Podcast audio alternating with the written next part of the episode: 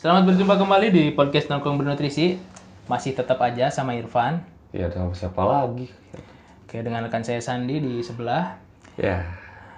Ya, kita ingetin aja nih sebelum lebih ngomong lebih jauh. Mm-mm. Buat teman-teman, kalau penasaran mau dengerin podcast kita, saran dari awal. Dari episode yang pertama. Ya, dari QLC. Jadi berangkatnya terarah gitu. Nggak menclok-menclok. Dan memang episode yang sekarang tentang finance, ini extension ya. Ya. Dari finance yang pernah kita singgung di episode-episode awal. Lebih baik kalian dengerin dulu episode yang awalnya. Ya. Sebelum dengerin yang episode kali ini. Ya, dan juga buat teman-teman jangan lupa untuk mampir ke Instagram kita atau kasih requestan bahasan-bahasan buat kita Ya, untuk kita ulas. Instagram kita sekarang udah on air lah ya, bukan bukan on air di nongkrong bernotisi. Kalau buat kalian yang pengen ngasih ngasih saran, bisa nge DM yang gampang atau pengen agak ribet Email lah. ke nongkrongbernotisi@gmail.com. Yes. Oke, kita mulai men. Gimana nih Hmm, finance? Harusnya soal uang, soal angka. Finance ini soal uang, soal angka, dan soal bagaimana kita memanfaatkan uang ini. Jadi di sini kita nggak bukan kita paling benar, bukan kita harus ditiru. Kita cuman share pengalaman tentang keuangan yang sedang kita jalankan dan sudah berjalan. Dan ini saya digas ya bahwa ini ext- extension dari episode sebelumnya. Gue lupa di mana gitu sempat nyinggung soal finance. dan Kita juga sempat bilang bahwa bakal kita ulas lebih dalam, sedikit lebih dalam. Ini di episode ini sob terjebak. Ya, terjebak kehidupan. Jadi belum lama kok dari episode ini. Jadi ya kita akan sedikit mengulas lebih dalam. Sedikit. sedikit aja. Iya. Pertama tentang keuangan adalah ada pendapatan dan ada pengeluaran. Ya, Dan jangan sampai lebih besar pasak daripada tihang, peribahasa lama. itu peribahasa lama tapi kadang orang-orang pura-pura lupa. Padahal ada di sampul buku sekolah kita dulu ya, Iya, di Sidu tuh di buku Sidu. sebut merek. Apa-apa lah di buku Sidu itu ada tuh. Eh. Jangan besar pasak daripada tiang. Nah ini khususnya untuk teman-teman yang udah berpendapatan sendiri, apakah itu kerja, usaha atau apa, bikin plan, plan keuangan. Nah biasanya tuh kan suka bingung nih, dari mana sih kita dapat plan? Nah kita Ya. jalanin dulu, Hmm, tapi jangan lama-lama, nyobainnya tuh satu bulan, hidup tanpa plan keuangan, tapi catat pengeluaran. Iya. Pemasukannya nggak dicatat ya? nggak usah memasukkan udah jelas di rekening gitu kan pengeluaran tuh kan nggak kerasa dan itu harus dicatat harian Ah, dulu pas gue pertama datang ke Bandung tahun 2010 dan itu adalah pertam- pengalaman pertama gue ngekos gue tulis sehari ngeluarin uang berapa. Hmm. dimulai dari melek sampai merem harus dicatat. Dari kita bangun sarapan ke kampus karena waktu itu pakai motor ya paling bensin. Parkir nggak bayar makan siang jajan pulang makan malam. Dicatat sehari itu berapa. Nantinya akan ketemu pengeluaran harian atau mungkin pengeluaran mingguan pengeluaran bulanan men Yes. Bahkan udah bisa bikin RAB tahunan ya. Nah, setelah setelah kita ke planning, baru kita bikin, oh bulan lalu tuh ternyata pengeluarannya segini. Nah, Apa mungkin bisa dikat ya? Oh iya, gua kurang-kurangin aja jajan. Gua kurang-kurangin aja beli pulsa, cari wifi gratisan gitu kan. Atau gua sering-seringin aja datang kondangan biar makan gratis. Tapi tetap aja ke sananya kan butuh ongkos itu. Nggak, nggak, nggak kayak gitu kok. Itu pertama memang kita harus nyatet sebulan. Habis itu nanti kita evaluasi dan kita runtut pengeluarannya. Nah, setelah itu baru kita kelompokkan. Yang mana yang bulanan, yang mana yang mingguan, yang mana yang harian. nah, Dan sebaiknya di dompet itu nggak usah banyak nggak usah eh, eh, nggak usah banyak cash lah. Itu salah satu cara untuk ngejaga kita nggak boros bener nggak biar tetap sehat. Karena kalau ada uang di dompet itu secara psikis ada uang buat kita belikan apa aja. Begitupun kredit card mungkin ya. Makanya kita sarankan kalau belum butuh Gak usah.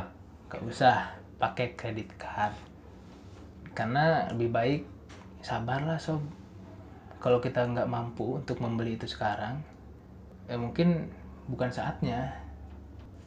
Ya keuangan ya salah satu moda dasar dalam hidup sekaligus dalam bisnis juga gitu. Ketika kita bicara dalam hidup ketika kita bisa mengelola keuangan pribadi yang sehat gitu kan minimal itu wah kebawa kebiasaannya ketika kita punya bisnis.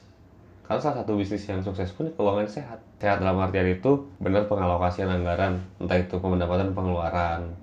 Tidak terlalu beli atau melakukan pengeluaran yang nggak penting. Mengejar efektivitas tapi efisien. Yang penting produktif. Kalau kita hubungkan dengan sehari-hari kalau sekiranya ngelondri daripada dua hari sekali apa tiga hari sekali kumpulin aja seminggu sekali sekali 10 jalan. kilo gitu. Atau mungkin yang udah berkeluarga beli beras beli minyak atau beli telur udah ke warung beli sekilo sekilo sekilo. Buat apa bikin capek ke warungnya doang? Ya sekaligusin aja ya. Sekaligus kalau misalkan emang uangnya ada udah udah ketebak nih. Sebulan 5 kilo beras eh, minyak 2 kilo eh 2 liter. Ya udah beli gitu. Dan dari mana sih kita dapat angka-angka itu? Ya dari catatan yang dulu kita catat pas di awal. Ya, bahkan mungkin untuk tiga bulan pertama pas awal nyatet cenderung akan berantakan, Mhm. tapi lagi nyusun pola itu tuh. Bikin habit. Iya, Hmm. entah sampai akhirnya ketemu polanya sendiri, sampai akhirnya tadi bisa ngitung bahwa butuh minyak sekian, telur sekian, itu kan karena habit yang, di- Hmm. yang dihitung dan ditulis. Jadi gak ragu buat ngeluarin uang karena udah jelas, udah keprediksi alokasinya dia bakal ke mana gitu. ya ya kayak bensin lah ya. Udah ngisi bensin motor mah ceban ceban bikin capek ngantri doang gitu kan. Iya, udah isi aja full tank. Mobil juga kalau ada duitnya mah udah isi full tank aja karena ya ngantri juga wasting time pagi kita di sini kalau peak hour ya antriannya hatur nuhun gitu cukup padat dan panjang. dan nantinya orang tuh kayak enteng banget kayak misalkan gua motor gua karena tangkinya gede ah tenang tangki ini mah tiga minggu paling cepat kalau bagus sebulan sampai akhirnya gue bisa bilang gitu kan karena udah terpola Iya. sebelumnya gitu Karena udah terprediksi. Makanya ada istilah, kenapa gak ragu ngeluarin duit buat itu? Ya udah jelas kok, Mhm. ya kan? Eh, ngeluarin duit yang gede-gede, hemat aja beli bensin tuh. Tuh besok pakai lagi. besok isi lagi Besok isi lagi gitu. Ya sesuatu yang udah kita prediksi, ini sebuah istilah lama ya yang gue dapet bahwa sesuatu hal yang udah kita prediksi harusnya kita ambil keputusan hari ini gitu. Mhm. Jadi udah, kenapa harus takut? Kan udah keprediksi. Orang bisnis juga pakai bukan pakai spekulasi kan, mereka pakai planning. Ketika udah keprediksi ngeluarin budget promosi segede apa pun gitu kan, Mhm. ya udah keluarin aja, toh hasil udah keprediksi. Hitung-hitungan di atas kertasnya udah ada gitu Iya. Apakah ada risiko kemungkinan error? Ada. ada Gak akan mulus 100% gitu kan. Toh dalam penelitian pun 5% dianggap batas toleransi aman. nah itu tadi dari dalam tahap tiga bulan pertama yang Candi bilang nyatet pengeluaran habis itu kita evaluasi dikelompokkan bikin plan yang bagus Yap. Setelah punya habit dan pola, Mhm. bikin rencana yang lebih terarah gitu. Soal keuangannya mau seperti apa. Dah masalah uang mah bisa di- bisa ketebak sebenarnya tuh. Kalau udah ditulis lebih lanjut, oke kita kasih cara yang kedua untuk mengatur keuangan adalah minimal kita harus punya dua rekening men. Ya, standar lah ya itu. Standar. Yang pertama untuk rekening pengeluaran, eh sorry, untuk rekening operasional kalau kita biasa nyebutnya itu. Yang satunya itu buat rekening tabungan. Hmm, dipisah lah ya. Eh, Kenapa sih kita harus dipisah gitu? Salah satunya supaya psikologi kita ketika kita narik duit dari rekening operasional, Ya memang itu buat itu. oh duit gua segini lagi, ah gua ngirit. Tapi ketika Iya. kita rekeningnya kecampur dengan tabungan, oh duit gua masih banyak, duit gua masih banyak. Merasa aman, Eh, merasa duit masih banyak terus, padahal nggak jelas. Jadi lebih baik dipisah. dipisah di awal. Ya, dan ya itu tadi yang mau utamain adalah ketika ngalokasin anggaran buat tabungan kalau bisa di awal, jangan sisa. tabungan tuh bukan sisa loh. Sesuatu hal yang diperjuangkan harus sisa. Benar, jadi kalau mas dulu pas kita berlalu lah ya, sekarang juga masih. Ketika kita dapat uang, itu langsung slep sekian ke operasional, set sekian ke tabungan. Nah, Dan operasional itu adalah satu bulan ya apa, life cycle-nya. mm-mm. Dan jangan berpikir buat apa lu tabungan dua gitu. Setelah gua share ini ke beberapa orang, mereka tuh pasti mikirnya sayang biaya admin, fun katanya. Hmm. biaya ininya itunya. So jangan pelit gue bilang. Coba bayangkan ketika kita tidak punya rekening kita nyimpen uang di kasur. Nah, old style. Kita butuh uang kita harus pulang ke rumah ke kolong kasur.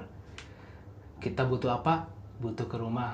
Dengan biayanya admin katakanlah itu untuk fasilitas kita yang kita dapat dari bank ya tolong hitungi, tolong jagain. tolong simpenin Iya. Dan Tolong sediain kalau saya mau ngambil ya di mana aja. Nah itu ada ATM di mana-mana, ada internet banking, ada mobile banking yang gitu yang fasilitas perbankan yang memudahkan kita gitu Iya. dan ketika di compare dengan biaya bulanan yang hanya ah di bawah 50.000 ribu lah ya Iya. Worth, Itu- sebenarnya worth it sih worth it banget untuk ngurus kayak gitu. daripada balik ke rumah harus di bawah kasur ya kan? Iya. Kalau bicara sayang bisa aja pakai alasan sayang untuk apa pun gitu. Tapi kalau bicara alasan worth it ya kita juga punya alasan kenapa bilang itu worth it. benar dan karena ini masalah uang angka di atas kertas atau angka di layar HP ini kan sensitif men Ah. dan gak mungkin jarang orang nge-share keuangannya dengan temen temen deket keluarga sekalipun kan mungkin kalau masalah uang kan umpet-umpetan lah ya Iya. Nah, Makanya privacy kadang. nah privacy karena itu butuh konsistensi komitmen terhadap diri sendiri Ya, itu PR sih yang kita bahas di episode sebelum-sebelumnya juga kan. Mhm. Komitmen dengan diri sendiri ini sulit karena rentan untuk kita cederai. karena paling gampang dicurangi kan karena kita ah nggak ada yang tahu juga gitu Iya.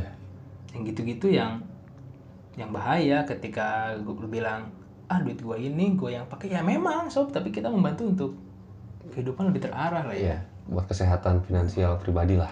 nah selain itu kita juga harus bedain antara pelit dan irit Ya itu dua hal yang beda, jangan disamain. Walaupun ujung-ujungnya juga sama-sama it ya.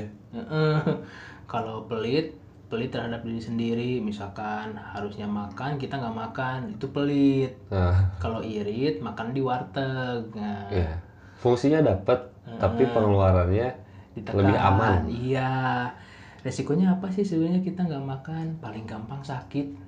Ya, kalau sakit ya kita nggak kerja kita nyiksa diri. Makanya jangan pelit terhadap diri sendiri gitu jangan dulu ke orang lain lah gitu. Hmm, Dari sendiri dulu. kalau misalkan baju udah bolong gitu kan udah nggak pantas itu udah pantasnya jadi lap ya sudah sudah saatnya dan tolong belikan yang baru Ya. karena itu ada nih ini salah satu yang unik dari kita tuh kita punya dana apresiasi bener nggak Iya. Ya, dan apresiasi, apresiasi itu sebenarnya kalau gua terapin itu dua sisi. iya Pertama untuk pribadi dulu gitu dalam artian berhubung kadang kalau saya bekerja itu gitu kan sampai begadang, bermalam-malam dan cukuplah gitu menguras tenaga dan pikiran gitu. Mm-mm. Dan saya tahu nih bahagia saya ini adalah ketika traveling atau naik gunung gitu. iya ya udah gitu alokasikan anggaran untuk itu untuk membahagiakan diri sendiri karena udah tenaganya dipinta pikirannya diminta gitu kan terus pas waktunya capek gitu dibiarin ya kan kasihan gitu. Jadi apresiasi tadi buat mengapresiasi diri ini bahwa terima kasih loh gitu. Sudah menemani saya bekerja dan berikhtiar sejauh ini gitu. Jadi itu ya bukan hal yang salah gitu. Bahkan alokasikan lah. Buat teman-teman yang senang apa? Senang main game senang touring motoran. Hobi ya kan? Ya ke Alokasi dana hobi. rata-rata ke hobi larinya tuh untuk membahagiakan diri. Mhm. jadi buat gue sampai hari ini jangan pernah sayang buat ngeluarin uang atau mengalokasikan pendapatan kita untuk hobi kita. Yang penting terkontrol aja dan bisa ke Terukur manage ya. lah ya. Ya. Ya karena itu hobi-hobi gitu apalagi untuk yang berkeluarga agak sensitif gitu kan. Iya ya tergantung tuh dililan sama pasangannya kayak gimana. Betul banget. Apresiasinya kan ke diri sendiri terus ada apresiasi juga buat keluar gitu. Eh biasanya gini kalau gue selalu bukan selalu ya. Biasanya. Biasanya eh spare berapa persen anggaran dari sebuah pendapatan? Entah itu ketika dapat bonus atau apa gitu kan dapat rezeki yang ya lumayan udah terduga. Ajak temen nongkrong ngopi traktir ngopi. Ya ya hal-hal kecil menurut gue tapi bukan untuk nunjukin weh gila weh banyak uang nih gitu. Bukan untuk kayak gitu tapi lebih ke menghargai waktu dia menghargai obrolan itu karena untuk duduk bersama di satu meja dengan suasana obrolan yang nyaman itu agak sulit juga. Momentum lah ya itu. Momentum. Makanya ketika ada rezeki mengalokasikan anggaran untuk meng- mengapresiasi mereka yang sudah sedia. Jadi temen gue untuk ngobrol dan berbagi cerita ya gak masalah lah. Bener banget. Jangan lupa untuk berbagi karena dalam rezeki yang dikasih ke kita bukan milik kita semua. Ya, ada sekian persen yang sebenarnya ada yang ya, bukan jatah kita lah ya. Eh, eh, itu kembali ke kepercayaan keyakinan Ya. masing-masing terhadap diri eh sebentar Dialokasikan. tadi katanya kita cuma bentar tapi ini banyak juga Ya apa-apa lah. ya mungkin segini dulu lah ya Ya, jadi teman-teman tadi sebenarnya untuk obrolan tentang pengelolaan anggaran agar keuangan sehat. Ya, padahal itu hal yang sederhana banget lah gitu kan untuk pribadi dulu. Karena syukurnya nanti akan bisa berkembang untuk kehidupan bisnisnya, karirnya dan lain-lainnya gitu. kalau misalkan kalian pengen request untuk minta untuk bicara memperdalam ini bisa lah ya Ya, tadi kan kita di awal bilang bahwa akan sedikit diulas lebih dalam, sedikit gitu. Nah, kalau mau ditambah lagi ya nggak apa-apa lah, tapi bilang aja. ya mungkin itu aja yang bisa kita sampaikan di podcast episode kali ini Ya, jadi jangan lupa untuk dicek lagi rekeningnya. bener nggak nih jangan-jangan nol terus nol terus tuh karena bukan boros tapi ada ngopi-ngopi cantik yang keseringan itu nggak baik sebenarnya. Ya, kecuali kalau Anda Anda mengalokasikan anggaran untuk itu memang. oke guys itu aja untuk kesempatan kali ini. Jangan lupa follow di instagram kita. Dan di Spotify juga di follow, terus di Apple juga kita udah bisa didengerin. oh iya kita download dari apple ya? Ya, semuanya nam- sama namanya sama? Nongkrong bernutrisi. Eh, nanti di episode kapan kalau udah tembus 1000 pendengar kita bakal jelasin kenapa atau filosofi apa dari nongkrong bernutrisi. oke itu aja. Sampai jumpa lagi di episode selanjutnya. Salam nutrisi